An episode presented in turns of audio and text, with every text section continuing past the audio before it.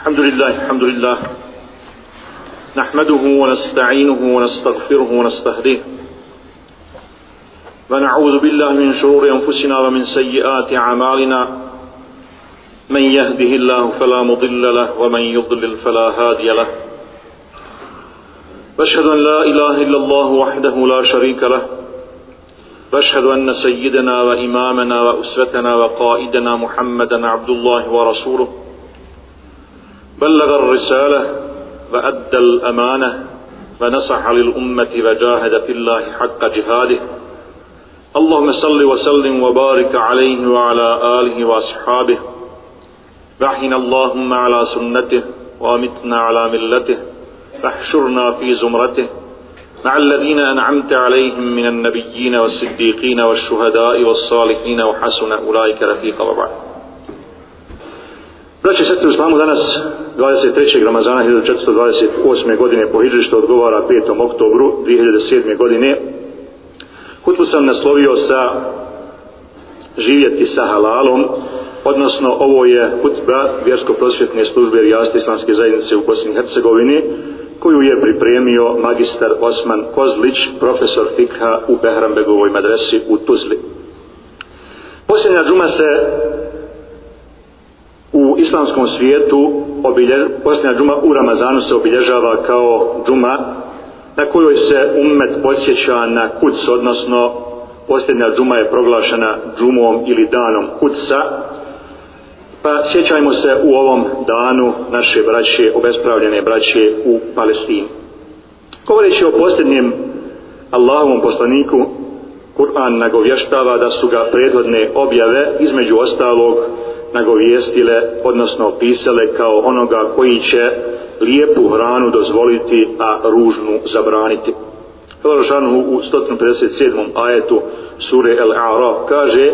Sid billah ne yuhillu lahum utajibati ve yuharrimu alaihim ul-habait koji će im lijepa jela dozvoliti, a ružna jela će im zabraniti.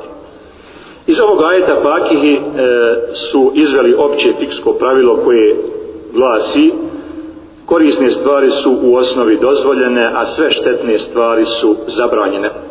Poslanik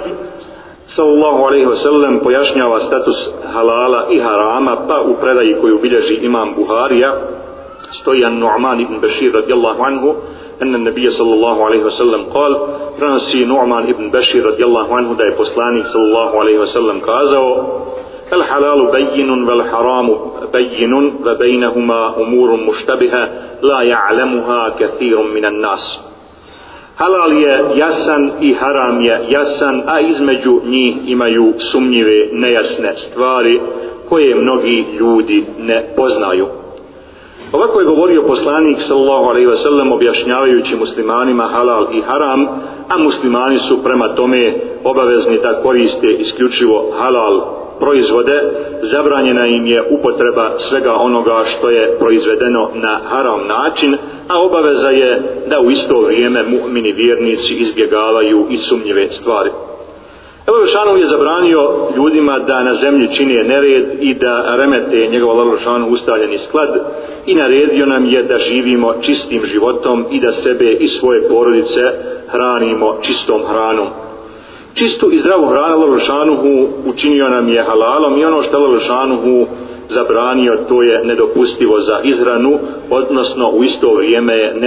nezdravo i štetno za organizam. Da li danas iz naše perspektive možemo kazati da znamo šta je u istinu halal, a šta haram, a šta sumnjivo u jelu i piću onome što svakon, svakodnevno konzumiramo. Proizvodjači hrane i pića u želji da što više profitiraju nude potrošačima jeftine proizvode pripremljene od sirovina sumnjivog porijekla i sumnjivog kvaliteta. Konzumiranjem takvih proizvoda ljudi se izlažu riziku da naškode svome zdravlju i ugroze vlastiti život. Današnje svjetsko tržište je preplavljeno, preplavljeno proizvodima sumnjive kvalitete pa i u nas u Bosni i Hercegovini, a u tom općem metežu muslimanu je veoma teško izabrati ono što je za njega zdravo i što je korisno, ono što bismo mogli nazvati halal kvalitetnim proizvodom. Muslimanima je poznato šta je haram u jelu i piću, a o tome treba i dalje govoriti, a naročito upozoriti na proizvode sumnjivog pa- kvaliteta i proizvode za koje uopće ne znamo da u sebi sadrže haram sastojke. Da bi jedan prerambeni artikal e, bio halal, svi njegovi sastojci i sve što dolazi u dodir u procesu proizvodnje mora da bude halal. Treba upozoriti muslimane da se u proizvodnji nekih proizvoda u nekim firmama koriste sastojci koji su haram tako da u proizvodnji, na primjer bombona, čokolada i drugih slatkiša, neke firme koriste alkohol, svinjsku mast, želatin koji se proizvodi od kostiju, zatim papaka i drugog e, klaoničkog otpada, a prisutna je i upotreba aditiva porijeklom od insekata. Zatim e, za proizvod, u proizvodnji hljeba i peciva e, neki pekari koriste svinjsku mast, zatim koriste kancerogene aditive, aditive proizvedene od svinske i ljudske dlake. U proizvodnji šećera i soli prilikom rafiniranja e,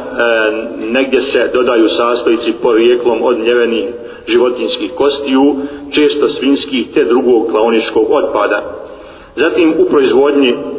mlijeka i mliječnih proizvoda e, neke firme dodaju alkohol, želatin, masne kiseline i enzime, na prvom mjestu pepsin, porijeklom od svinjskih masnoća ili izdvojenih iz svinjskih,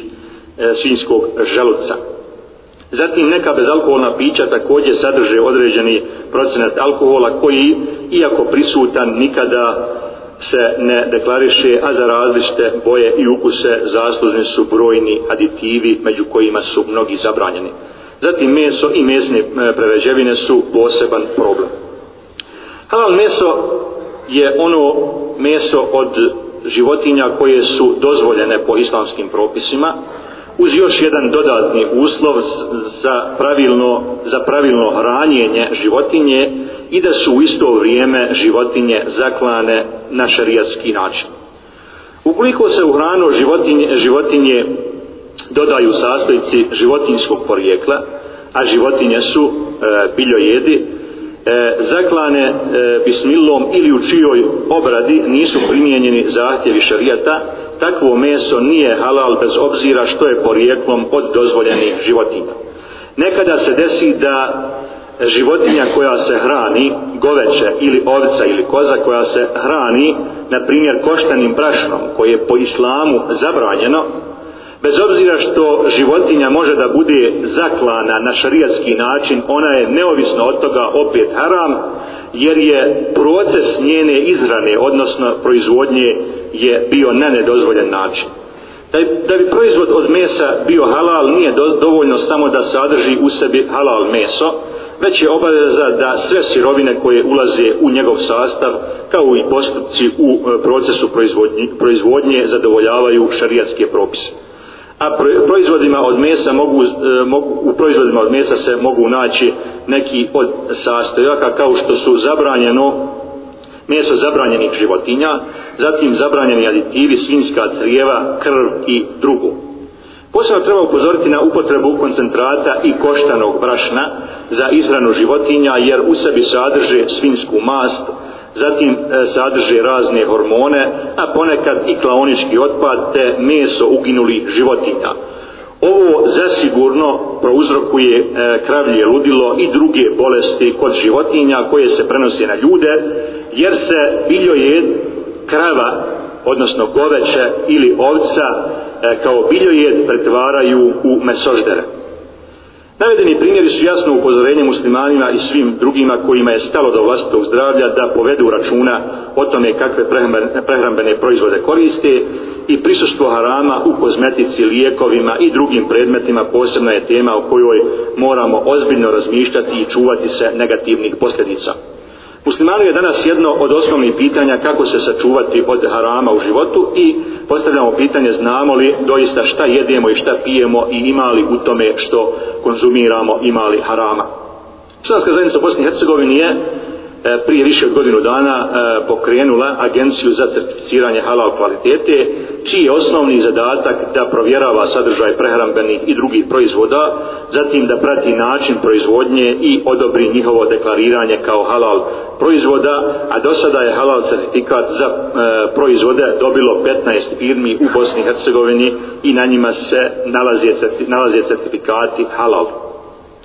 Ovom prilikom upozoravamo da pored halal certificiranih proizvoda ima neodgovornih pojedinaca, proizvođača koji samovoljno, samovoljno ispisuju, odnosno zloupotrebljavaju ovaj izraz halal na svojim proizvodima i objektima, a da pritome nisu mogućnosti dokazati da su njihovi proizvodi zaista halal. Na taj način su neke firme dobro se obogatile, a čuo sam iz pouzdanih izvora da, na primjer, firma Stanić, sa sjedištem u Kiseljaku, da je izvezla tone i tone e, raznih proizvoda, a na prvom mjestu raznih vrsta suđuka i salama, na kojima e, stoji uslikan e, sebi iz Sarajeva i gdje piše velikim slovima piše halal, a nema veze sa halalom, odnosno zasigurno u tim proizvodima se nalazilo svinsko meso i to uglavnom je distribuirano u Sanđak i na Kosovo zbog toga što su e, muslimani Sanđaka i Kosova željeli naravno da koriste halal proizvod nisu znali ko je Stanić i nisu znali kakva je firma odnosno da ta firma zloupotrebljava ovaj naziv naziv halala Draga braći i sestre, zbog svega navedenog pozivamo vas da povedete računa o tome šta e, konzumiramo i e, šta dajemo svojoj djeci da jedu i da piju. Alavršan u jasno upozorava da vjernici ne smiju konzumirati haram i da izbjegavaju sve što je sumnjivo, a medicina u posljednje vrijeme se sve više govori da su i tekako štetni gazirani.